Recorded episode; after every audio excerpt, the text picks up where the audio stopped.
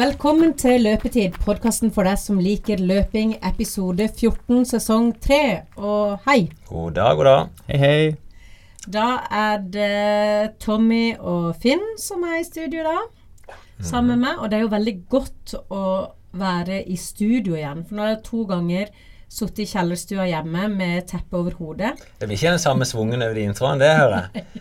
Det blir litt sånn Velkommen til Løpetid. Ja. Podkasten for deg som liker løping.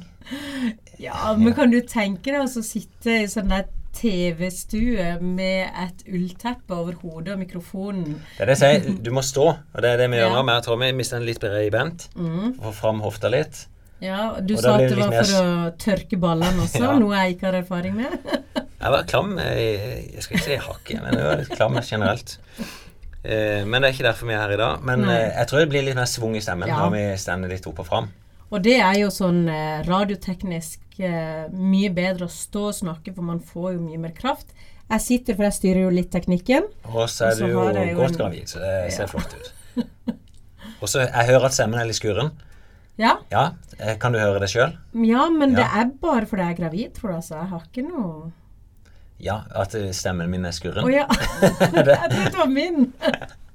oh, ja. Er din? ja, den er litt skurren. Ja, du merker ja, ikke det, men da er det nei. greit. Det er kanskje Nei, sånn stemmen er i ferd med å bli. Men Ja. eh, nei, etter hektisk helg så merker jeg nok det at det har vært mye prating, og det er vel det som setter seg litt på stemmebåndene. Ja, for det var jo ei fantastisk hektisk helg. Eh, Ja, altså, i hvert fall fantastisk helg for de aller fleste. Det var det. Og, og nå er vi jo litt sånn i evalueringsmodus. Vi vi har akkurat sendt ut jeg har sendt ut til alle som ville fem kilometer nå i stad, og så skal jeg fortsette med på ti og halv maraton på åssen opplevelsen er verdt. ja. Jeg gjør det litt i bolke, sånn at um, jeg kan justere litt der jeg ser det blir litt uklart. Så kan jeg korrigere undersøkelsen og så sender den ut litt mer spissa på mm. de distansene der det er flest. Ja. Men eh, magefølelsen på søndagen Jeg så jo eh, du og dattera di bærer gjerder sånn på ettermiddagen på søndag. Ja, eh, det, det er jo alltid mye opprydding til slutt, altså. Mm. Det, det er nok mer enn folk tenker. Og så er det litt erkjennelsen Du sender der på lørdag ettermiddag, løpet er ferdig, og så du, Vi hadde jo 200 funksjonærer, og Mm. du prøver å få brukt de, og så glemmer du bort ting. Og så er en del av de tingene du har delegert, det blir likevel ikke gjort. Så finner du ut av det litt for seint. Mm. Så plutselig sto det på drikkestasjonen igjen som ikke var tømt. Lageret vårt er overfylt. Eh, det var ja, 35 gjerder viste seg å være i Markens. Eh, Der vi hadde hatt funksjonærmøte. Det var han, måtte, han som hadde ansvar der, han måtte bare låse av og gå på lørdagen. Så det er ja, litt sånne oppgaver som må ryddes i. Men jeg kan jo si det at eh, vi tok jo en spasertur på søndagen ned til byen. Og det første jeg kommenterte, det var at torget så helt perfekt ut. Ja da, det, og det er litt viktig at det må være strøkent med en gang. Så vi rydder ned. Ja. Men vi har jo mange folk, så når sist løper er i mål, så er det nesten med en halvtime, så er alle gjerdene borte. og så begynner jo de selvfølgelig alt det tekniske til litt mer tid, men der har vi folk som gjør det. Eh, men når du spør om magefølelse, det er jo det som er gøy når du gjør en spørreundersøkelse. Eh, nå er det ikke mange som har svart ennå, for det det var noen få hundre jeg sendte ut for to timer siden, og det er 71 av de som har svart. Eh, og sp spørsmål nummer én, som kanskje er det viktigste, hvordan vil du rangere din totalopplevelse av sommerløpet 2019 fra 1 til 5? Og da av de 71 som er svart, så er snittet 4,58. Ja, det er jo kjempebra. Så det er veldig bra. Og så kan jeg, uten å gå i detalj på alt imellom, med ti spørsmål Ni.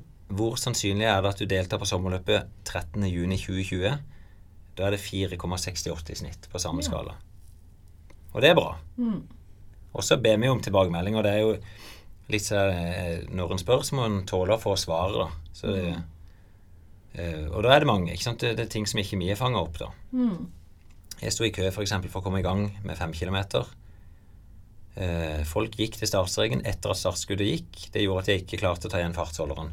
Um, og da er det sånn Ja, det vil være veldig vanskelig å løse, annet enn å hive inn flere fartsholdere, f.eks. Det kan vi gjøre. For det er jo sånn at klokka starter jo ikke før vi passerer streken, men jeg skjønner jo det problemet. Og dette er jo på fem kilometer, så det er jo enten Tommy eller noen andre som har hatt en ballong der. Mm. Og hvis du er for langt bak, så klarer du ikke å følge han, for da forsvant sikkert Tommy fort av gårde. Mm. Og nå skriver hyggelig og godt organisert løp, god stemning, fin løyper. Kommer garantert tilbake om helsa, og så ikke mer. Og så jeg må lese Jeg fikk en Da var det slutt. Ja. Om helsa. Eh, jeg fikk en mail fra en i stad. Jeg skal ikke si navnet hans, for han er ikke bedt om å komme på dette, men han sendte bare uoppfordra. Takk for et fantastisk arrangement. Hele rammen rundt sommerløpet var meget bra. Jeg er 71 år og løp mitt første halvmaraton i år. Godt oppmerket løyper, mye smil, spesielt i motbakkene. Eh, jeg prøvde å gjennomføre Berlin maraton i april, men Berlin halvmaraton i april, men falt og måtte bryte løpet etter fem kilometer. Denne gangen kom jeg i mål med hjelp av flere heiagjenger. Kommer garantert tilbake neste år i enda bedre form. Med vennlig hilsen XXX fra Flekkerøy. Så gøy. Er. Gratulerer så mye. Det er sprekt. Ja da. Så eh, vi vet at vi arrangerte et fantastisk sommerløp, og så er det jo jeg ser, tusen små ting som vi skal forbedre til neste år. Men jeg tror de fleste av de tingene er ikke så synlige for publikum. Men det jeg kan si da, som noe jeg tenkte på uh, Jeg ble jo stående og se mye i år. Ja. Uh, og så sto jeg i målområdet på 10 km. Mm. Og ifra ca. 50 eh, minutter til mellom 50 minutter og 1 time og 10 minutter. Så det jeg så, det var at dette her er et folkeløp. ja. Det var alle aldre, størrelser, farger, kombinasjoner. Det var så fantastisk å se, og det var så utrolig sånn det- Du kunne ikke sette noen liksom i en bås i forhold til hvem som kom i mål. Nei. Nei, det, det var veldig virkelig for alle, og det slo meg at dette er jo noe sånn som eh, Nå som vi snakker så mye om polarisering, og at folk er liksom mye mer sånn i sin boble, da, så var dette noe som var veldig representativt Ja. for eh, hele Norge, da. Eh, og det, det syns jeg var veldig stort å se. Og det, alle kan løpe 10 km. Ja, jeg har jo sagt det før sjøl, og Ja. fått tilbakemelding på at eh, nei, alle kan ikke det, Finn. Det, og det var derfor vi starta 5 km. Mm. Men um, alle kan komme gjennom. Nesten alle kan komme gjennom. Mm. Uh, men det er veldig gøy at du forteller akkurat det du At du kan se det. For det er jo det vi, den gruppa vi henvender oss til. Så er det samtidig Det er jo kjempegøy at Erik Ude Pedersen springer på 29 noen og 40. Fantastisk løp, men det, det er bare Det er liksom én, to, tre mann som er oppi der. De fleste er de vanlige folka, og det er jo de vi ønsker å nå. Ja. Så dette var, det var moro. Eh, du snakka om at du hørte noen unnskyldninger at folk var ikke kommet i form ennå. For det var for tidlig. For vi flytta jo løpet fra august nå til juni. Ja. Eh, og så kan jeg jo si at det, de samme unnskyldningene hørte jeg når vi arrangerte i august. At folk fikk ikke trent nettopp fordi det hadde vært ferie. ja. Så jeg tror unnskyldningen vil alltid ligge der. Mm. Så nei, vi er fornøyd. Og vi forbereder oss jo til sommerløpet 13.6.2020. 13. juni 2020. Ja, Tror du jeg er i form da til å løpe? Ja, det, det finnes i hvert fall masse eksempler på det. det. Det er klart noen kan, ja, men noen kan jo slite litt med bekken og hofter og sånt etter en fødsel, men det er jo ikke farlig å både holde kondisjonen ved like gjennom graviditeten og òg være relativt fort tilbake. Men det er jo noen uker en bør være litt mer forsiktig med akkurat løping. Etter en fødsel. Jeg husker jo ikke å terminen terminene. er. Nei, det er i begynnelsen av oktober. Ja. Da Så kan du jeg har sannsynligvis òg delta på nyttårsløpet allerede, så Men. Nei, for vi drev og snakka om det da, for det, jeg hadde jo med eh, noe med Kjartan, da, med mannen min, Ja. i løpet. Han skulle løpe under timen til neste år. Så sa jeg men du må jo løpe med barnevogn, for jeg skal jo Mm. løpe. Eh, men da fikk jeg beskjed om at nei, jeg må løpe med barnevogn, og han skal løpe under timen. Du kommer sikkert til å slå han uansett. Ja, Jeg hørte, det- hørte det gikk rimelig greit for han i hvert fall. Ja. Du, eh, også hadde jo Vi hadde litt trøbbel med den innspillingsenheten mm. for litt siden, men jeg hadde den med når vi kontrollmålte. Jeg, jeg tenker det er litt gøy for folk, i hvert fall for noen, for de som er opptatt av detaljer, å høre åssen vi kontrollmåler en løype som dette. For løypa er nøyaktig. Og mm, nå er vi liksom fått bekrefta at 5 km den er 4926 meter. Eh, 10 km 9983, og barneløpet er 555. Så tenker du hm, det er jo ikke de riktige distansene. Nei. Men det som er at oppløpet vårt, da, det er 30 meter. Sånn 10 km reelt sett, faktisk. Den er da 9983 pluss 30. Sånn 13 meter for lang. Mm, det er derfor jeg har litt dårlig tid på den, ja. Ja, er to sekunder. Men, men eh, du vil heller at løypa skal være bitte grann for lang for å ha den magien. Det er faktisk sånn når du kontrollmåler òg, det tror jeg ikke han sier på innspillinga når vi var ute, at de legger jo inn én promille eh, i, i sikkerhetsmargin. Mm. Sånn at han allerede skal være når Hvis du måler 10 km, så skal han være t- 10 010 meter. Mm. For det fins jo noen flere som meg som krysser litt elegant eh, over noen områder istedenfor å løpe hele løypa. Å ja, ok. Det er ikke mange plasser det skal gå an. Nei, akkurat der med bensinstasjonen Å ja, krysser du ikke fotgjengerfeltet? Nei. Nei. Det er jo Vi instruerer jo alle disse vaktene på forhånd, og det er jo noe av det som vi forteller dem om. At eh, de må ikke la noen få lov å ta snarvei. Eh, for det at idet du tillater den første, så følger alle andre på. For Ja, for det var det jeg gjorde. Ja. Jeg bare løp etter en som eh, løp over. For det, det sto liksom ikke så mange vakter. Men det var jo ikke i år. Det var jo i fjor. Ja, så vet du hvordan det var i Nei, fjor. for vi var mer bevisst, enda Ja. mer bevisst i år. Men skal vi inn og Ja. høre på kontrollmålinga? Det er kanskje en eh, reportasje på fem til ti minutter. Så hvis, hvis ikke noen er interessert i å høre kontrollmåling Men vi har Joakim og Nå husker jeg ikke han heter han fra Mandal, eh, men På sykkel. han er på sykkel, og Mm. vi er på sykkel alle sammen. Ja, men da går vi inn og hører på det. Er det sånn at du eh, bør ha en viss jevn fart? Ja, Ja. Og, og fort sykler vi? nei, altså, hvis, jeg bare, hvis jeg bare kan holde linja, så eh, kan jeg sykle så fort som jeg klarer å holde følge med det. Ja, vi, vi sykler bare foran, kan vi ikke det? Bremsa som sagt ligger på. Ja. Mest mulig jevn linje og korteste vei hele veien. Ja, jeg skal sykle strikken. Og sa du du skal sykle? Strikken. Strikk. Jeg tenker da er strikk så skal jeg liksom snyte alle steder det går an å snu. Ja, men det er bra. Da skal vi sykle. Har du vært oppe hos Odd Gunnar Tveit og løpt løpet hans? Nei, oppe i bygdemaraton. Ja, jeg var oppe der og kontrollmål for han skulle, over, han skulle ha en halvmaraton. Han hadde jo, hadde jo kontrollmål til en maratonløype for han før, han skulle ha en halvmaratonløype. Så øh, hadde jeg samme problemet da bremsene lå litt på. Jeg kan ta den med ro, sa han. Men eh, Odd Gunnar hadde jo ikke sykkel, så han hadde jo elsykkelen til kona i alle de der bakkene. Jeg sleit som et dyr. Nei, men bra. Vi, vi sykler. Da er det fem kilometer som er målet. Og vi og Joakim kjører. Det dere hørte nå, altså, det er starten på kontrollmåling av, sommerløpet. Vi skal måle opp eh, fem kilometer og ti kilometer. Og da har vi fått med oss eh, Egil Ene som jobber for eh, Kondis. Og det er jo ikke fast jobben hans, men han har kurser seg opp på dette, da, kontrollmålløype. Så nå har han og Joakim vært og kalibrert sykkelen. Eh, det gjorde de først med at de tok et stålmålbånd på 50 meter og målte opp en distanse på nøyaktig 400 meter. Så man kontrollsykler fire ganger. Og da har han et sånn manuelt telleapparat montert på dekket. Mekanisk er det vel, kan ikke være elektronisk.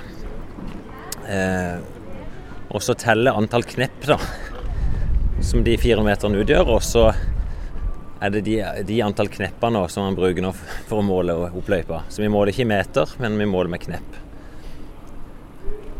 Og grunnen til vi måler og ikke bruker GPS, er at GPS ikke blir nøyaktig nok. Så nå sykler Joakim foran, jeg følger bak, og så skal vi finne korteste vei gjennom traseen. Nå sjekker vi bare runder hvor lang den er først, og så må vi se om vi må gjøre noen justeringer. Så skal vi høyre.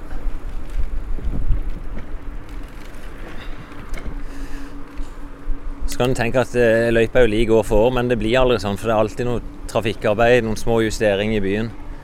Og når du justerer en plass, er det ikke sikkert det er lett å hente det inn noen annen plass, sånn logisk. Og denne fem kilometeren da, i fjor, vi hadde ikke kontrollmål til den da, så da fikk vi verken godkjent femkilometeren eller maratonløypa. Så da er det greit å få gjort det. Jeg vet annet at dama til Jack Waitz, hun skal eh, Ja, rett fram. Hun skal prøve å sette verdensrekord for veteran. Og da er det viktig at løypa er godkjent kontrollmålt. Jeg er spent om Altså hvis løypa er fem kilometer nå, så kan vi òg få godkjent tiden fra i fjor. Ja, det er en veldig fin dag her, da, så det yrer jo av folk. Så det gjelder jo for oss å ha litt kontroll på at han kan sykle korteste vei. Det er fint. Nå er vi nede på strandpromenaden der det er ganske langt, fint grusparti. Rundt Otterdalsparken og opp forbi festninga opp til Akvarama. Så vi får se. Vi hører som vi kommer i mål. Vi spiller inn litt.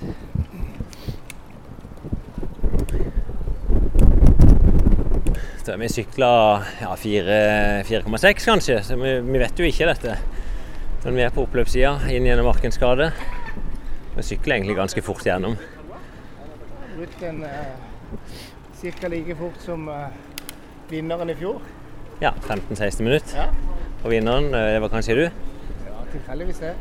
Ja, det er gøy å se. Allerede nå i dag da, så er byen kledd av sommerløpet, Skandiana skibarenløpet. Og det henger portalen nede ved hele Markens gate. Så Skandiana ski er med som sponsor og skal farge byen grønn. Så dette er bra. Nei, Det blir litt sånn uh, spennende å se. Og Du sa Joakim, på klokka di i fjor da hadde du fått 4940 meter. Nei, og um, 56. Altså, vi mangler uh, 44 meter for å få akkurat På, fem. på din GPS? Ja. Det blir spennende. Så er vi 100 meter ifra mål. Vi skal stoppe akkurat nå på, Ja. på startstreken, og så i tillegg eh, oppløpet. ja.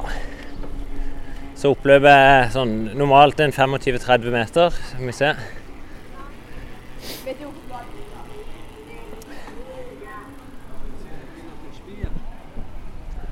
Nå Der, Egil.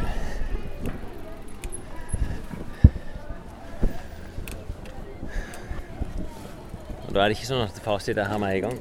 Nei, da må vi regne. Da stender det 70 753 704 knep. Hvor langt er ca. et knep? Er det en centimeter, eller er det Nei. Eh, 10,456 er vel eh, en meter. Hva sa du? 10,4 knep er én meter? 10,456 er en meter. Ja. Ja, for du har regnet ut differansen? Han regner ut differansen fra det han sto på. Så han sto på 573 000 i stad.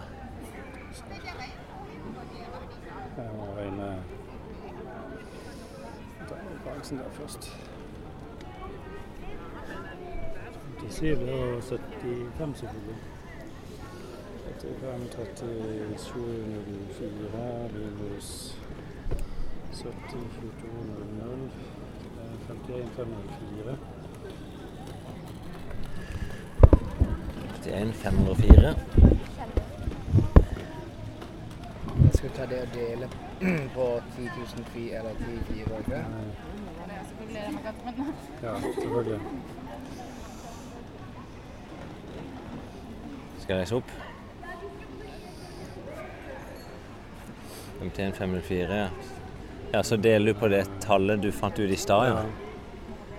Og da er runda Ja, vår det. 4, 9, 2, 5, 7, 8. Ja, du mangler fire. Du mangler åtte seks, meter. Du mangler 74 meter. 4,90 Nei, er det ikke 4,92 det sender? Jo. Kilometer. Ja, Du mangler 74 meter. 74 meter. Og så er det sånn sett opp til mål. Men det vil si at eh, vi må være kreative en eller annen plass for å få 74 meter. Ja, hvis ikke du vil kjøre mål opp med rådhuset. Det blir litt for langt til mål. Men spørsmålet er hvor vi finner de 74 meterne. Ja, la oss først finne ut hvor det er naturlig å sette mål, da. Så må vi finne de siste Ja.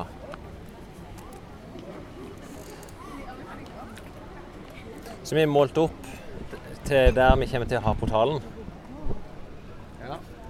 Ja. Det, ja, vi må bare tenke litt høyt. meter, da havner du opp med springvann omtrent, tenker jeg. Kanskje litt forbi. Det blir litt for langt opp der. Eh, Ja, med, ja, det vi snakka om, eh, spurte om å trekke starten lenger opp her. Er det det er en gang, men det blir knot. For da, da er vi isolert til bare ett startspor.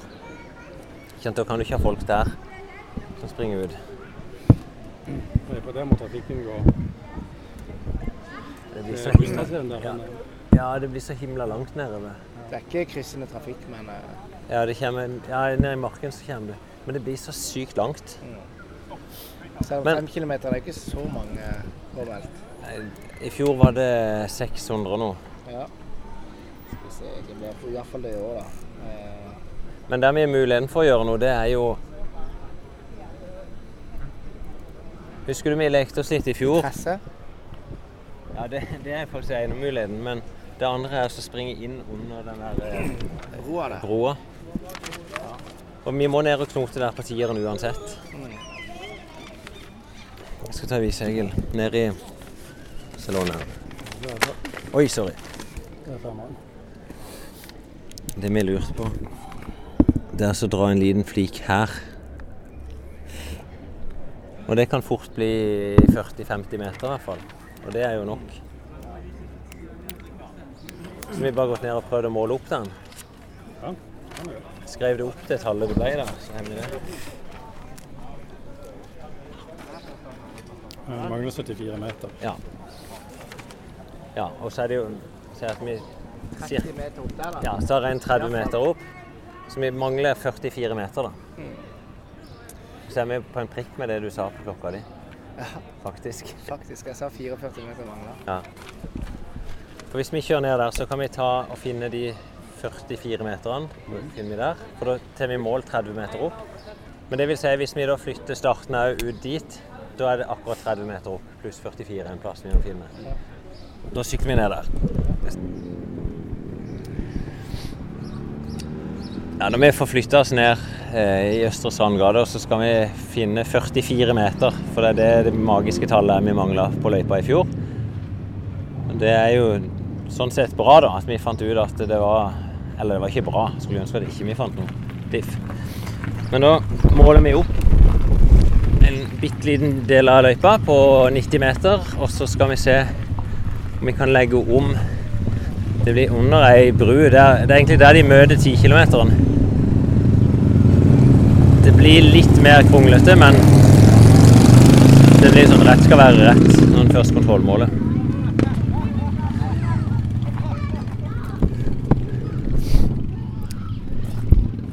For da kan vi bare ta motsatt vei nå med det samme.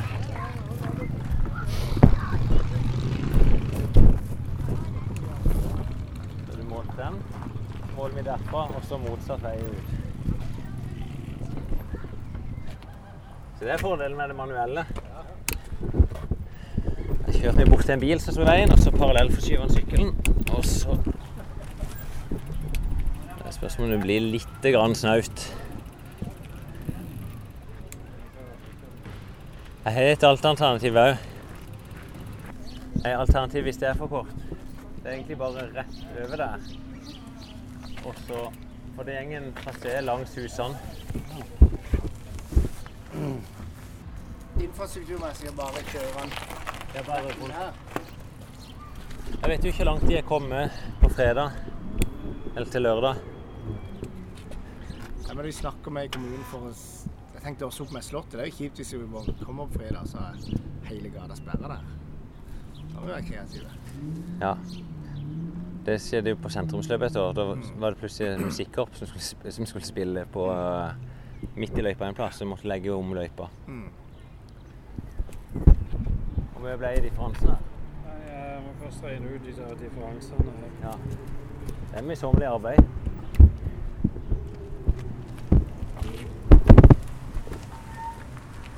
Men det beste sånn løpsmessig det er jo egentlig bare å gønne rett opp til det treet, og så rett venstre.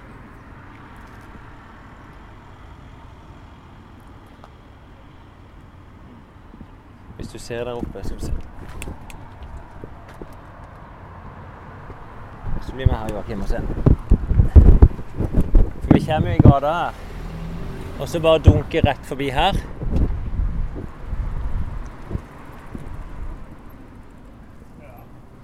Og så rett ned der. Er.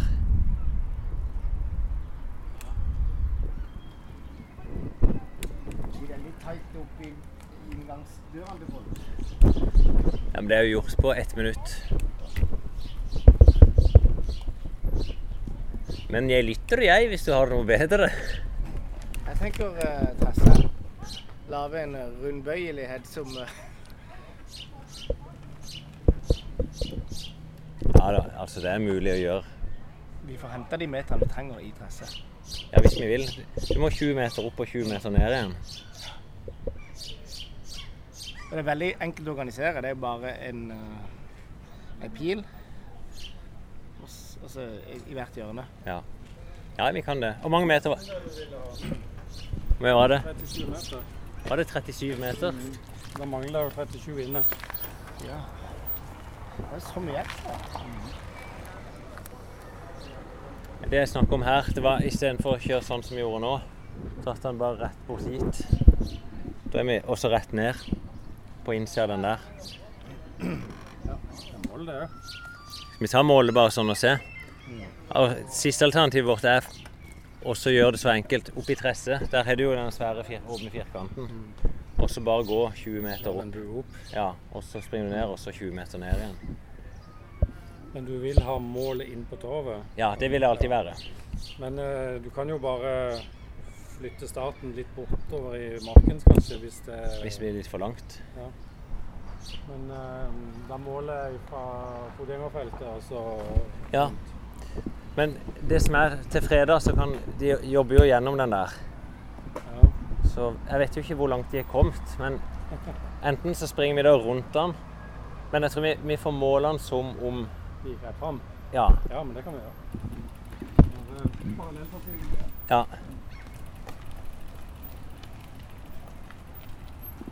Må være kreative, da. Det er veiarbeid midt i ei gate, og vi vet ikke hvor de er om seks dager.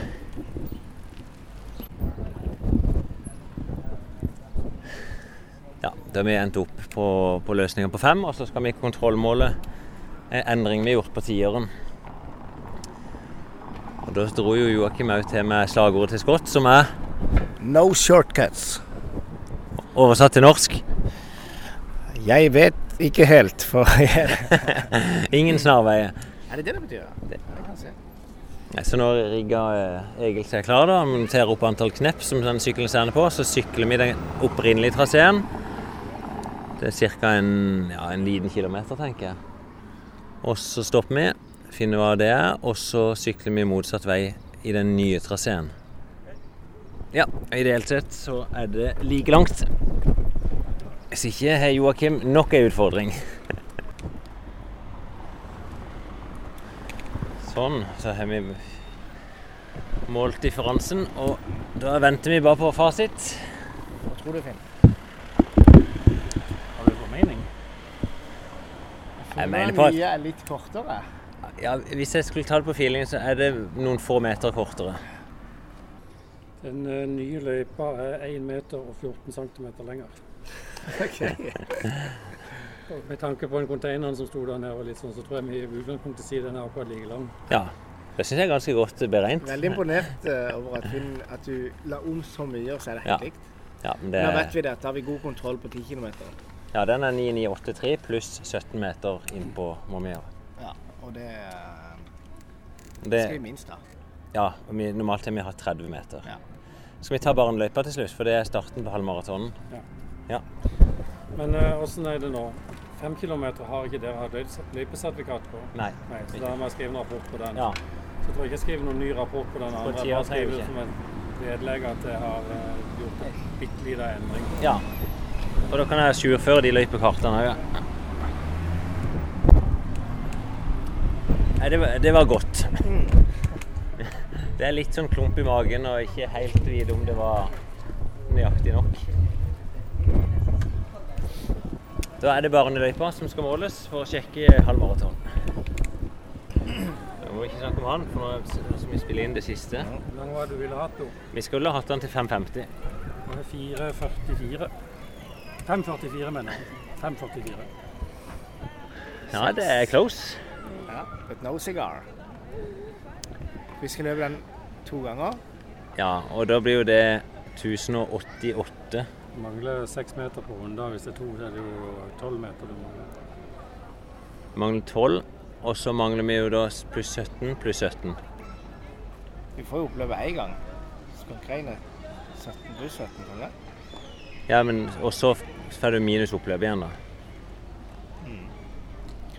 Du mangler 6 meter, og så på de 1097. Mangler vi ikke eh, 34? 17 pluss 17 er 34. Ja, pluss Pluss 6 det er 40. Det er 40 meter. Er det ikke 12 vi mangler? 6 Pluss 12, ja. 36. 46. 46 meter mangler Ja. vi. Og så, for at den skal bli riktig, Ja. så må vi ha et oppløp på 46 meter. ja det er, men spørsmålet om vi vil det. Vi vil jo ikke det. Så hvor skal vi hente det er jo lett å gjøre en endring i parken, men da blir jo lett, litt grann lang.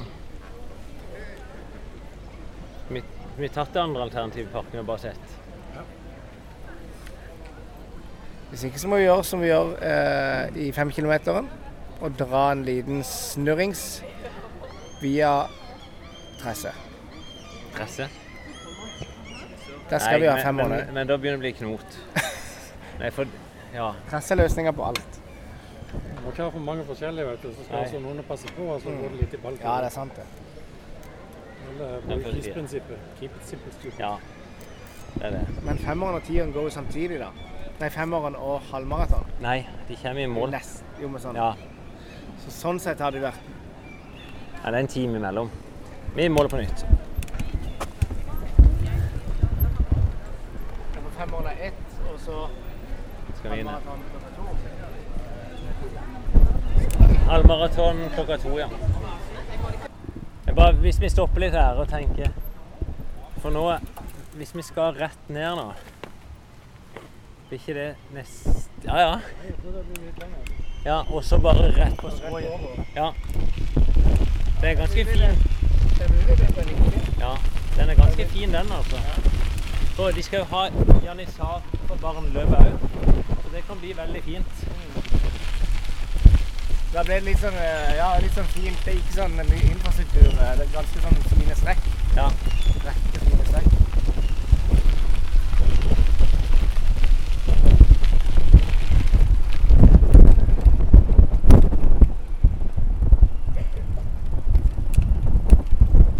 Men gjerder og sånt har du Minst mulig gjerde. Vi har 150 ekstra russejenter. Vi er 200 vi, vi har så mange gjerder vi vil ha hvis vi trenger det. ja, fysisk eller russegjerder. Nei, fysisk òg hvis vi vil. Ja. Jeg har bestilt Men kostnader på russejenter opp mot Det russejenter sånn Mitt hue koster et gjerde med russ 100 kroner timen.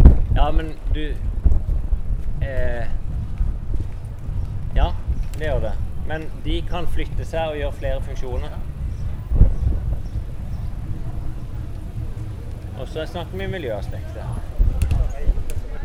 Det vi håper nå, altså, at vi forlenger barneløpet med seks meter.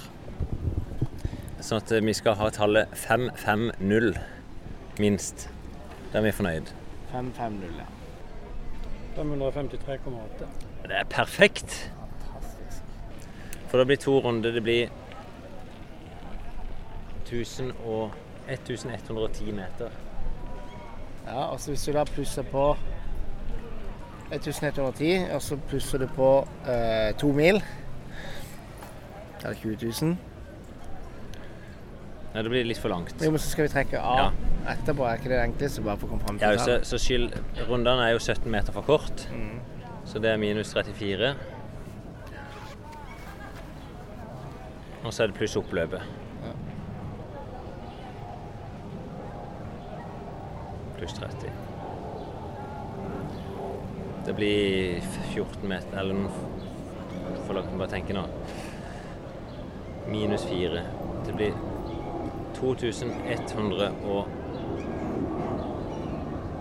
2106. Altså 9 meter for langt. Jeg fikk nå 21 073 meter. Åssen ble det? 9983 ganger 2 Mm. Pluss 1110. pluss 1110. 21076. Mhm. Det stemmer. Og så sa var- du Og så skal det være en halvmaraton skal være 21 097. Ja, så 21 meter til. Ja. Og det tar vi på oppløpet. For Så sånn sett, hvis en skal tenke eh, skal gjerne være 5-10 meter for langt uansett. for, 10, kilometer for 10 km så må oppløpet være 17 meter. Ja. For denne så må det være 21. Så må minimum være 21 her.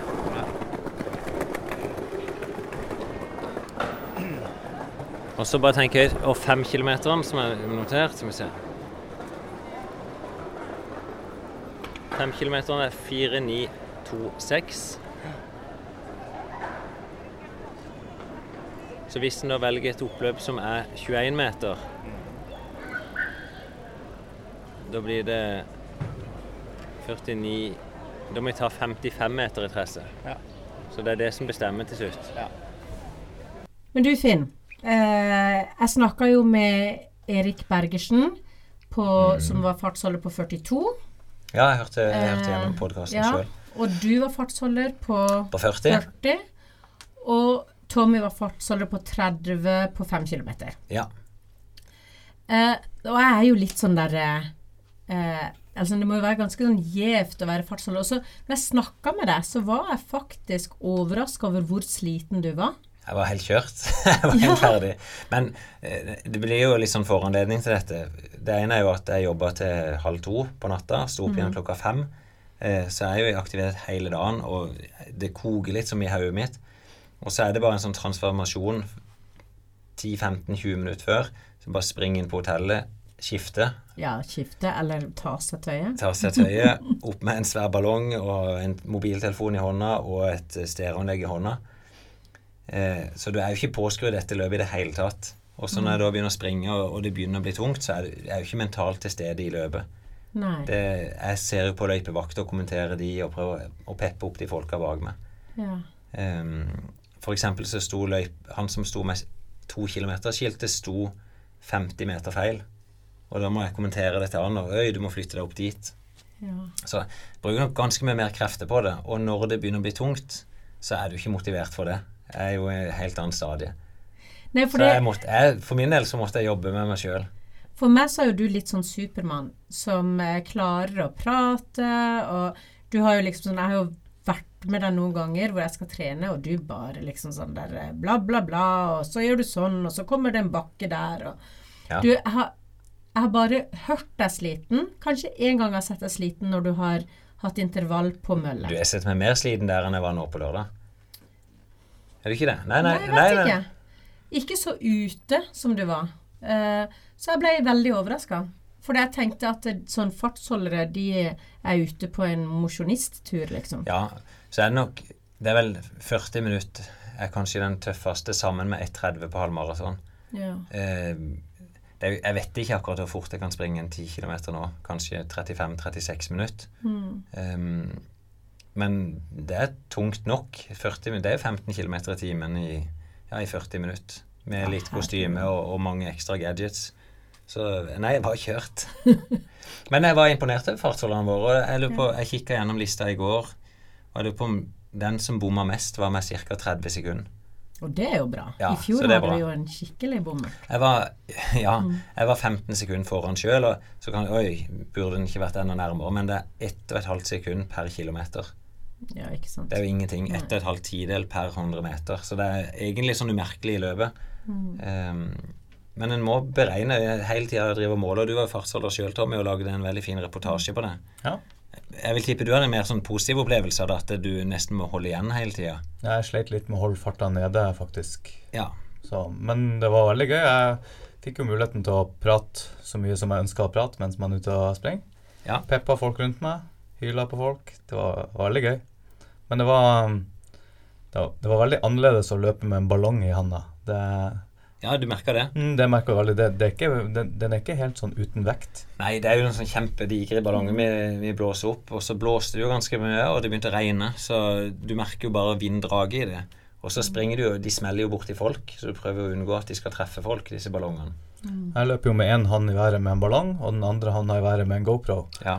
Så det var, det var ganske tungt i armene på, på oppløpet. Mm. Men var det første gang du var fartsholder? Det var det. Ja. Det var veldig kult. Nei, for det er jo et eller annet veldig sånn se det. Så jeg syns det funka veldig bra med de gule T-skjortene. ja, vi hadde gule T-skjorte med, med sluttida på ryggen. Med Eh, unntak av meg. Ja, du hadde ikke det? Jeg var den eneste som ikke hadde. Ja, stemmer. Mi- Min erfaring er nok at det bør vi ha. Ja. Det ser jeg. Eh, og så er det jo gøy å springe ut med en skar av folk som følger på. Eh, og så tynnes det jo bare mer og mer ut. Jeg vet ikke om det er sånn på 30 minutter òg, eh, om du la merke til det. Og det var ganske mange som hadde bestemt seg for å komme inn på 30 minutter, som falt av på vei oppover Otra. Ja. ja, men sånn er det jo. Eh, men for, både folk foran og bak de følger med denne ballongen helt til slutt. Mm. Eh, og den hjelper mange, det er jeg sikker på. Jeg klarte for øvrig å komme inn 18 sekunder før tida. På fem kilometer. Nå ble Finn streng. Det, det er faktisk sånn jeg lurer på om du, det er du som er bomma mest Det er godt mulig. per kilometer. Jeg er også ferskest. Det er sant? Nei, det, det er mer enn nok innafor, så det er greit. Og det, det er jo sånn eh, Egentlig den tilbakemeldingen som jeg leste opp i stad, eh, det er jo ikke så lett for, å beregne baggi der. For det er at noen starter jo langt bak ballongen, noen starter foran. Så eh, vi bør ha litt grann å gå på. Det må vi ha. Eller flere ballonger. Flere ballonger. Det var, vi hadde to ballonger på 42, og de spredde seg litt ut. Så Erik var i mål rett før 42, og Helga var vel et halvt minutt før det igjen. Jeg syns det er morsomt med den tida, 42. Ja, Det det, er veldig sånn der eh, ja en kan jo det, For det er et eller annet sted liksom sånn der eh, Jeg skjønner ikke sånn, Det å ha et mål på å løpe på 40 Eller sånn Jeg tenker 40 eller 45 det er jo det vi alltid har hatt hvert Ja. femte minutt, men så er det nok Akkurat den 40-grensa, den er ganske rå. Du skal trene godt for å klare det, mens 45 med litt god trening, så er du der. Og så er det mange i det vakuumet midt imellom som vil forbedre seg litt. Eh, Men der 40 er jo helt urealistisk. Så nei, det gjør ikke noe å ha mange fartsholdere. Nei. Du, vi må jo videre og, og tenke litt på Tommy han er jo på vei mot pers. Han skal springe Ja. på 1,40 nå i år. Eh, det er ingen tvil om at du er på riktig vei. Eh, kan ikke du fortelle litt om hvor du er nå, Tommy, og hva som du har planer om å gjøre nå til lørdag? Jo. Eh, nei, eh, hva skal jeg si. Jeg føler jo at uh, treninga går litt sånn på skinner for tida. Det er jevnt med økta. Og så driver jeg nå og gjør meg klar for en eh, 21 km førstkommende lørdag. Ja, Eh, det er en ny en. Det er en helt ny en. Og den, er, den var ikke planlagt for For min del, i hvert fall for en måned siden. Men uh, de skal åpne et nytt strekk av E18 uh, ved Arendal. Ja. Og da, um, da kjører de en halvmaraton der før de åpner veien. I På 110-sone. asfalt. Asfalt, ja. Ny asfalt. Helt ny asfalt. Noen få dager før de skal slippe trafikken ut, så slipper de løpere ut. Så der er det bare rulleski og løpere som skal ut, og syklister. Mm. Jeg husker det når du sier det, så kommer jeg på den der, den der følelsen når man er liten, og noen har lagt ny asfalt, og man kommer liksom Ja, ja, sånn og får. Det er så deilig. Mykt og godt. ja, ja, ja. ja. Som å springe på tartan. Ja, litt sånn. Så, ja, nei, så jeg skal i hvert fall bort dit og løpe litt. Jeg er sikker på at du er i rute til å klare det. eh, vi ser han kompisen din, Geir, er det ikke det han heter? Stemmer. Han sprang vel på 1,39 på sommerløpet. Ja. Og du slo han på ultra. Mm. Men da, han må ha hatt en veldig dårlig dag der, eller han er kanskje litt dårligere i terreng. Kan være en av de Ja. to delene der. Men det er realistisk. Du, du vil ikke velge å prøve deg på 1,40 nå? Jeg har litt lyst. Altså, øh, var jeg ute og kjente litt på formen på søndagskvelden, som han nå. Stemmer. Du, da har du en veldig fin økt. Um, det syns jeg vi skal snakke om hva du gjorde da. For det, da er jeg imponert over deg. Ja. Jeg, jeg, siden jeg ikke hadde fått trent noe særlig i helga, så tenkte jeg å legge inn ei ordentlig hardøkt på søndagskvelden. Um, så da stakk jeg der vi pleier å ha denne lørdagsøkta vår, Mm. som er énkilometersrunder til vanlig. Og så kjørte jeg syv ganger to kilometer, hvor jeg gikk i pausen, så jeg stoppa aldri. Eh, og da starta jeg første to kilometeren i den farta som jeg egentlig skal løpe i nå til lørdag. Og så øker jeg derifra.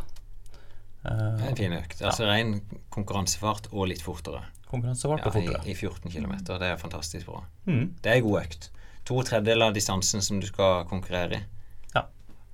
Og jeg avslutta da ca. 30 sekunder raskere på kilometeren enn det jeg egentlig hadde tenkt å konkurrere i. Ja, Åssen var følelsen på den eh, på slutten der? Helt på slutten var det veldig tungt. Ja, Se nest siste draget, da. Det var helt greit. Ja, det er et godt utgangspunkt. Det, det er relativt tett på. ikke sant? Det er seks dager igjen til løpet, men det, det er fortsatt innafor der at du kan ha ei ganske hard økt. Mm. Så det er jo definitivt en god generalprøve. Så, og det viser jo litt hvor du er kommet. Ikke sant? Der du kanskje tidligere valgt bare noen få, eh, kanskje seks én kilometer, så er du oppe i syv to kilometer nå. Mm. Og du gjør det helt uoppfordra og gønner på. Ja. Ja, og det er klarer å styre det.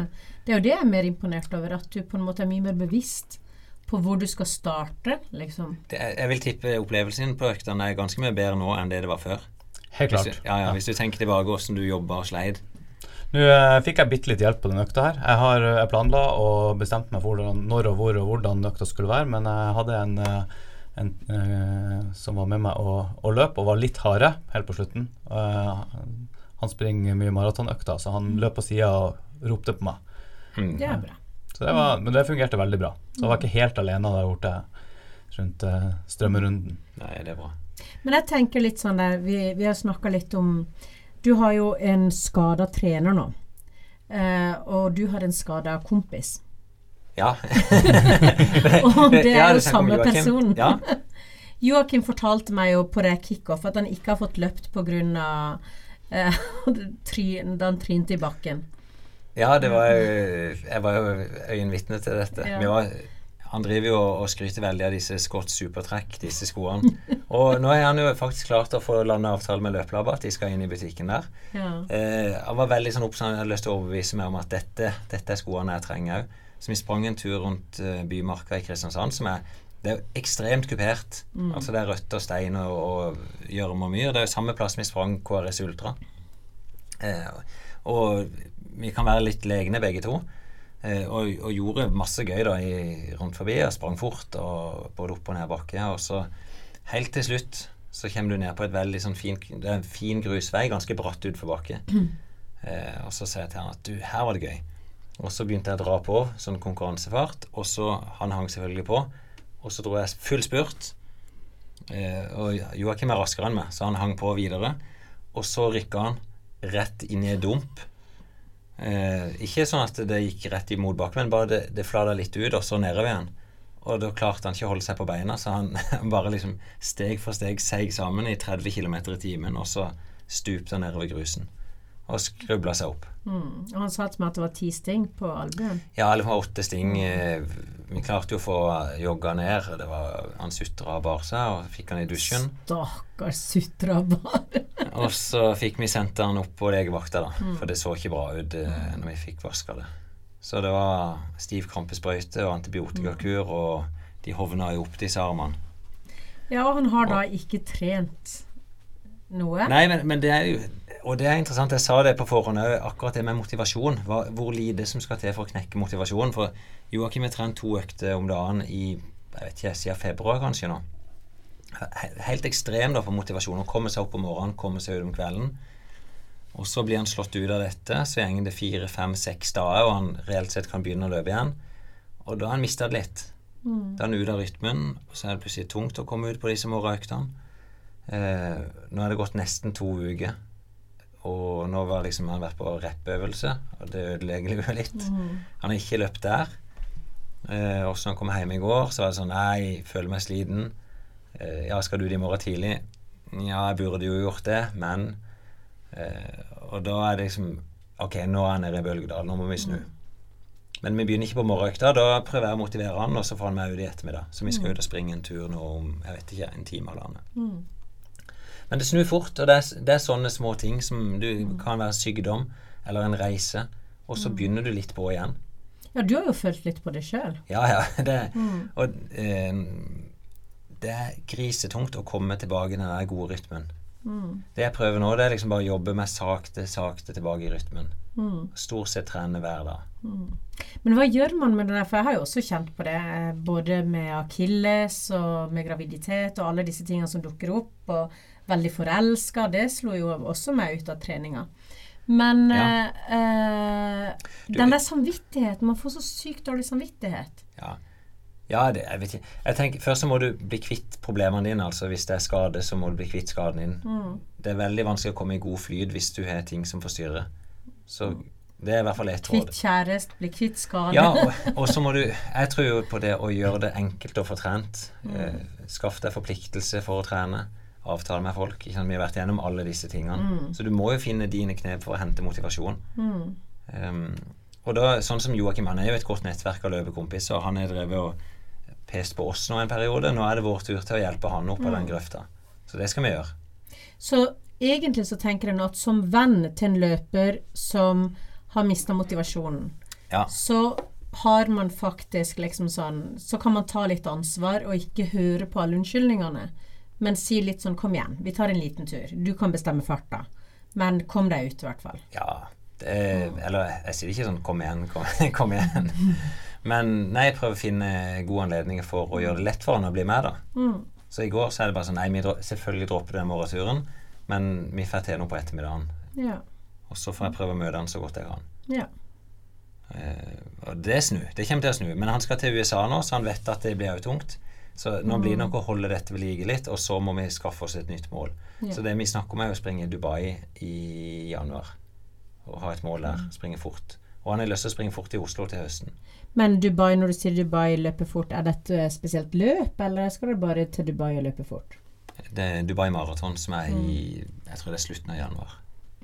Vært med der før, og kanskje verdens kjedeligste maraton, for det, det er jo bare et langt strekk. Ja. Du springer um, det 16,5 km i én retning. Og så snur du til andre sida av veien, og så springer du samme vei tilbake. Da er du 32-33, og så fortsetter du 5 km til forbi. Snu igjen, tilbake til samme plass, og så er du i mål. Du ser For hvert kilometerskilt du kommer til Før du passerer kilometerskiltet, så ser du det neste. Så det er litt sånn, det er tungt for hodet. Så derfor velger dere det stedet. Eller er det noe annet? Det er han som hadde lyst til det. han har lyst til Dubai, tror jeg. Ja, det var det jeg Så det, tenkte. ja, så det gjelder å finne noe sånt. Ja, Så, men, men, eh, men jeg kan Mm. si noe i forhold til det. For det er noe han ofte spør om, eller mange spør om, at hvis du først er ute, da, hvor lang tid krever det for å komme tilbake? Mm. Eh, og så fins det ikke noe eksakt, men det fins Jeg bruker en sånn tommelfingerregel at du kan i prinsippet regne at du, du trenger like lang tid på å komme tilbake som du har vært ute. Et liv. nei, nei, men så igjen, hvis du har vært ute lenge nok, så kan du si seks-åtte uker, så er du gjort veldig mye uansett. Men det er viktig, for det, eh, det er sånn som eh, mange glemmer. Ja, at det, er relativt fort å komme tilbake. Ja, og at, men at du må forstå at hvis du har hatt en pause, så skjer det noe. Ja, det gjør Du du. Må, kan du ikke kan ikke liksom gå rett tilbake. Da blir du bare skada med en gang. Og det er veldig viktig, for det tror jeg jeg har brent meg på noen ganger. Ja. At uh, jeg bare tenker at uh, ja ja, men da får vi bare ut og løpe, sånn som jeg, sånn fem kilometer eller en time. Og så blir det altfor tungt. ja og en, en husker bare hvor lenge en sprang, og hvor lett det var, og så blir du slått i bakken. Mm. Så jeg, da tenker jeg det er alltid lurt å lage en plan, vel, heller litt for forsiktig, Mm. og så bygge seg opp. Ja. Og det eneste du risikerer, at du bruker kanskje ei uke ekstra, men du vil komme i den samme formen uansett. Og som Jack Så. White sa, det er ikke dumt å gå litt innimellom. Det kan også gjøre at du får en bedre tid.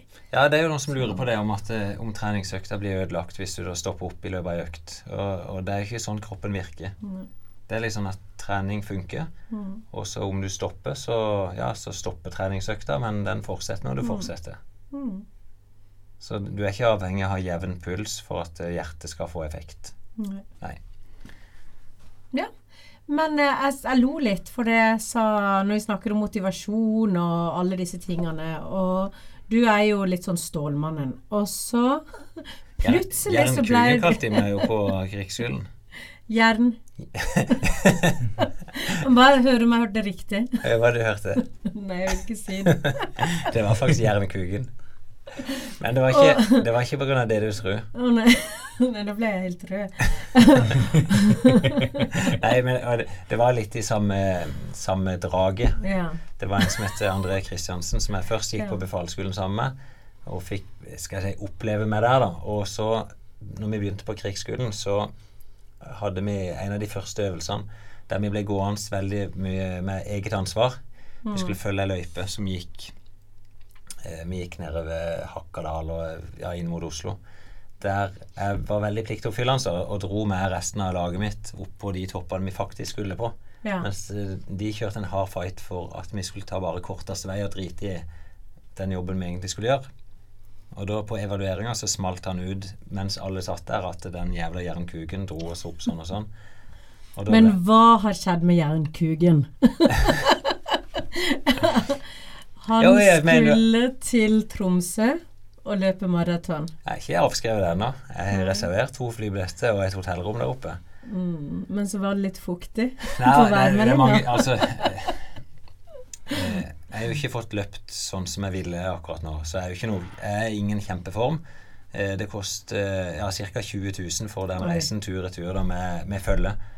Eh, og så melder de nå 10 grader og regn og vind. Nå skal ikke jeg ta fra gleden med de som skal opp og springe der, for det blir helt sikkert fantastisk, men jeg har i hvert fall begynt å kikke rundt om det finnes noe bedre og varmere sted å reise.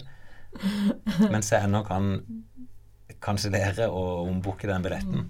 Og jeg syns bare det, det er jo veldig dumt å, å glede seg på andres eh, eh, nederlag, men det var bare så utrolig godt å høre at Ja. eh, regn og vind og kulde faktisk betyr noe. Ja, jeg innser det. Når, i, I det du sa det, så skjønner jeg det.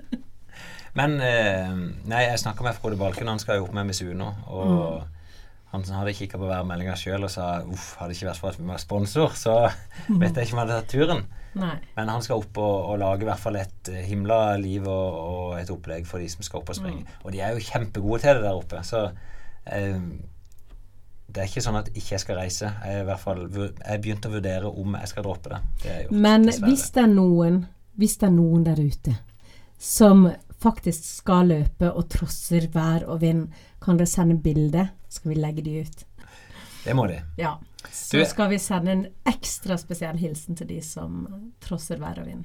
Jeg satt og leide litt etter uh, lytterspørsmål på Mhm. løpetid på, på Facebook-sida vår. Da Ja. fant ikke jeg det så lett. Eh, nei, jeg tenkte litt på eh, Når du nevnte Frode Balken, så, jo, så løp jo jeg med sønnen sin på barneløpet. Ja. Og vi har jo snakka litt om det før, med barn og trening. Hvor mye skal du pushe? Eh, hvor Mm. mye skal et barn løpe med nummer på brystet? Ja, sånn. jeg, jeg kan ta noe sånn som er litt generelt, at barn har godt av å være i aktivitet. Det er ingen tvil om. Det er bedre for de det enn å, å ligge inne og, og spille TV-spill. De må jo sikkert gjøre det òg, altså, jeg tviler ikke på det. Men en sånn rettesnor som de er ganske sånn samstemte om, i, i hvert fall i Europa, at barn Eller uansett alder så bør du ha 20 timer aktivitet i uka. Det Mm, ser du. Ja, det, det er tre timer om dagen. Men som, altså, og det er hvis du skal Som toppidrettsutøver så bruker du det på, på ren konkurransetrening. Eh, men som barn så bruker du det på å gå til skolen, sykle, eh, hoppe på trampolina, spille litt fotball, eh, ha gym. Eh, og så gjør du veldig lite spesifikk aktivitet, som å springe intervall. Det gjør du kanskje ingenting av. Og, og da har jeg brukt en tommelfingerregel som eh, vi hadde på landslaget, at når du er ti år, så har du ei spesifikk økt. Når du er elleve år, så så er du ei. Når du er to, så er du to. Når du er 15, så er du kanskje fem spesifikke friidrettsøkter i uka, da. Hvis det er friidrett du satser på. Ja. Det er en ganske forsiktig progresjon, og det er jo neppe den Jakob Ingebrigtsen brukte. Men, men det du skal likevel ha masse aktivitet, men ikke for mye som er spesifikt den idretten du holder på med. Mm. Eh, men du skal jo ikke være redd for å konkurrere og ha det gøy. Så Nei. på sommerløpet så er det ikke noe sånn at vi setter noen aldersgrense for om du får lov å være med mamma på en 10 kilometer. Det er ikke noe Det er ikke vondt av det. Mm. Så, og Jeg hørte jo innslaget fra Frode og sønnen, og du hører jo etter å ha løpt to kilometer at sønnen er jo helt i hundre og Ja. topp inspirert. Og har lyst til å begynne å løpe. Så Ja. det var jo veldig gøy. Så jeg tror ikke, du skal ikke begrense ungene, men eh, jeg tror der jeg ville vært forsiktig, er vel å pushe dem. Men Mm. la de få lov å ha det gøy. Og hva hvis du har en unge som ikke vil bevege seg? Jeg har jo ei jente på 14, og hun har alltid vært superaktiv og veldig sånn eh, ja, lett å ha med seg tur i skogen, lett å ha med seg på joggetur og danser mye og sånn. Men hva om du har en unge som ikke har lyst? Ja, og det er jo ikke mitt sånn spesialfelt akkurat eh, motivasjon for barn, sånn sett på utenom sportslig aktivitet. Men jeg tror du må gjøre, altså legge til rette for at de må bevege seg litt i hverdagen. At de må sykle til skolen. Eh, jeg vet Du kan bruke seg sjøl som eksempel. Og det, selv om jeg kjørte ungene til skolen, så vi slapp de av halvveis, da. Ja. Eh, og, og det er liksom greit, kanskje. Mm. Eh, og så tar de med på skogstur, sånne type ting. men jeg skal ikke være den som gir råd til barn og, for, og familie og foreldre. Okay. Mm. Da skal vi heller se på de Ja, lytterspørsmålene. det Det kan kan være mer. En som heter Pe- Peder, som Svalseng. Og egentlig veldig relevant spørsmål. Takk for verdens beste podkast. Det er vi veldig glad for å høre. Ja. Yeah. Hvilke pulssoneinndelinger bruker dere? Eh, Olympiatoppen har et par varianter. Garmin og Polar også. Små variasjoner, men prikk, prikk, prikk. Eh, og jeg, ja, svaret er enkelt. For min del så bruker jeg Olympiatoppen sin. Eh, det, om det, det er ikke noe som er bedre enn noe annet, sånn sett, men de har lagd sin. Og når jeg har trent ulike utøvere over hele landet, så har du i hvert fall en felles skala som du kan snakke om. Eh, jeg syns eh, For vanlige folk så er sånne pulssoneskala det er unødvendig, syns jeg, da. For jeg syns hvis du kan forholde deg til hva er lett, middels og hardt, det syns jeg er det aller enkleste. Da har du Altså selv Knut Kvalheim i Tjalve bruker jo den skalaen. Nei, han, han bruker skalaen lett, middels og hardt. Eh, og jeg bruker det i mine foredrag òg ute hos bedrifter. At eh, det er en skala som alle kan kjenne seg igjen i. Eh, hvis jeg spør deg er det lett nå, og du er i tvil, så er det jo ikke lett. Nei, da springer du litt for fort til å være lett. Og hvis, det er, hvis du skal springe moderat, og hvis det kjennes det hardt ut, ja, da er det for hardt. Da springer du hardt. Mm. Du slipper å forholde deg til å kjenne på puls. Det er bare å lytte til kroppen. Og det er veldig rart, for det har du jo gjort med meg noen ganger når vi har vært ute og løpt. Ja. Og jeg har ikke tenkt over det før du har stilt spørsmålet. Nei. Nei, du må faktisk Men hvis du kjenner etter Ja, men jeg glemmer kanskje å kjenne etter Mm. til du stiller spørsmålet, og da kjenner man plutselig eh, Å ja, det var kanskje litt tungt. Eller ja, Det verste jeg vet, er jo hvis jeg spør noen åssen kjennes det ut nå, og de kikker på pulsklokka og sier ja, jeg har 150 i puls, så det er nok litt hardt. um, det gir jo ikke noe mening. En må Ja. faktisk kjenne etter. Ja. Så, men men de, de skalaene jeg synes, Velg din skala. Så hvis, du, hvis det er liksom vennegjengen din bruker Garmin, ja, bruk Garmin og snakk liksom etter den skalaen. Så må du bare gjøre det konsekvent. Men det er jo sånn, hvis en skal si veldig enkelt, da ehm, Det folk oppfatter som hard trening, det er typisk 90 av makspuls og opp. Det er sone 4-5 i- etter Olympiatoppen sin skala. Og så er du moderat som ligger mellom kanskje 80-90% av makspuls. Og så er det rolig under der. Og, og Olympiatoppen bruker fem soner. Eh, eller fem aerobe soner. Jeg vet ikke akkurat hva Garmin og, og Polar gjør nå. Så ja, jeg bruker i hvert fall Olympiatoppen sin. Oi, Tommy, her var det et langt et. Jeg vil veldig gjerne være anonym. Da skal, vi ta og lese opp alt dette? Ja, skal vi se. Jeg liker at det fokuseres mye på terskeltrening i podden, og synes Finn er veldig flink til å holde i forhold til nybegynnere. Eh, og instruere og forklare hvordan man legger opp og gjennomfører den typen økter. Jeg er selv etter hvert en ganske erfaren løper. Registrerer trening i rundt terskelsone 3 og 4 av mange eksperter kategoriseres som medium, dersom man definerer trening som lett, medium, hard. Oi, rett inn på det vi snakker om nå. ja. Så har han et par spørsmål. Hva definerer du som en hardøkt, og kan du gi noen konkrete eksempler på hardøkter relatert til 10 km? Og hvor ofte bør man gjennomføre hardøkter, og når i sesongen? Så skal jeg si, Hvis jeg skal koke den veldig lett av akkurat det, eh, da ville jeg sagt eh, sånn generelt du kan droppe hardøktene utenom sesong. Altså om vinteren så trenger du ikke hardøktene. Eh, og i sesong så er det nok med ei hardøkt i uka. Det er sånn enkel rettsnor. Eh, Det er sikkert veldig godt å høre for mange. ja. Ei typisk hardøkt, seks ganger én kilometer i konkurransefart, det er hardt. Ehm, og da Når kommer du? Lenge til, spør de her, Tommy. Det jeg bruker Tommy sin mobil. Eh, andre eksempler, f.eks. noe som er brukt på utøvere, det kan være 2000, 1000, 1000 med to minutts pause. Altså 2000 meter, så 1000 og 1000. Der en springer hardt. Eh, med Hvorfor noen- begynner du med 2000? det er noe med det å, å springe fort over litt lengre tid og pushe seg. At ikke det eh, At du ser mål igjen rundt neste sving. Så du må venne deg til den følelsen av press over tid òg. Eh, på, økten, på trening hos oss har vi brukt 3000, 2000, 1000. Så en kan tenke deg at du, du skal ikke ha ei hardøkt som er fulle distansen som du trener på, men at eh, ca. to tredjedel. Og det Tommy gjorde nå når han trente mot halv maraton, å springe to tredjedeler i distansen, så er det helt perfekt. Eh, greit. Lever selv et ganske aktivt liv, trener hver dag. Pga. hektisk timeplan vet jeg ikke alltid hvilke økter jeg skal gjøre når, men over en syvdagersperiode forsøker jeg å ha minst to terskeløkter med total arbeidsperiode på ca. 40 minutter i sone. Altså hver uke så er det to terskeløkter. Periodiserer greit, men er usikker på om jeg burde legge inn noen hardere økter imellom, og eventuelt hvilken type. Primær, trener primært til 10, og, ja, 10 km opp. Eh, ja, så Malen han følger, han som ønsker å være anonym her. To terskeløkter i uka. Eh, og lurer på om han skal gjøre noe mer. Eh, og i sesong så ville jeg anbefalt å ha hatt ei hardøkt eller konkurranse. For det er jo òg ei hardøkt som er fin å gjøre. Konkurrere på fem kilometer hvis du forbereder til ti. Konkurrere på ti kilometer hvis du forbereder til halv maraton osv. Det kan være gode økter. Eh, altså, hvis en skal bruke sånn rettesnor, det er ofte sier sånn på vinterstid, så kan du òg ta tre sånne litt hardere økter i uka. Ei kort intervalløkt, ei lang intervalløkt og ei kontinuerlig økt. Så får du litt variasjon på det. Og så i sesong så ville jeg hatt et par terskeløkter og så ei hard økt. Da er du i mål. Da blir du god. Og litt rolig innimellom. Jeg tror det var nok i dag. Jeg tror vi er en lang episode. Og jeg ser jeg begynner å bli savna. Ja. Av Joakim Hansen, som nå ringer og sikkert vil ut på en løpetur. Da må vi benytte sjansen og sende Joakim ut. Det er bra. Men uh, ja, da er det jo egentlig bare Jeg har hatt min treningsøkt i dag. Så dere andre får ut og løpe litt, da. Takk skal du ha. Det skal vi. Jeg er imponert.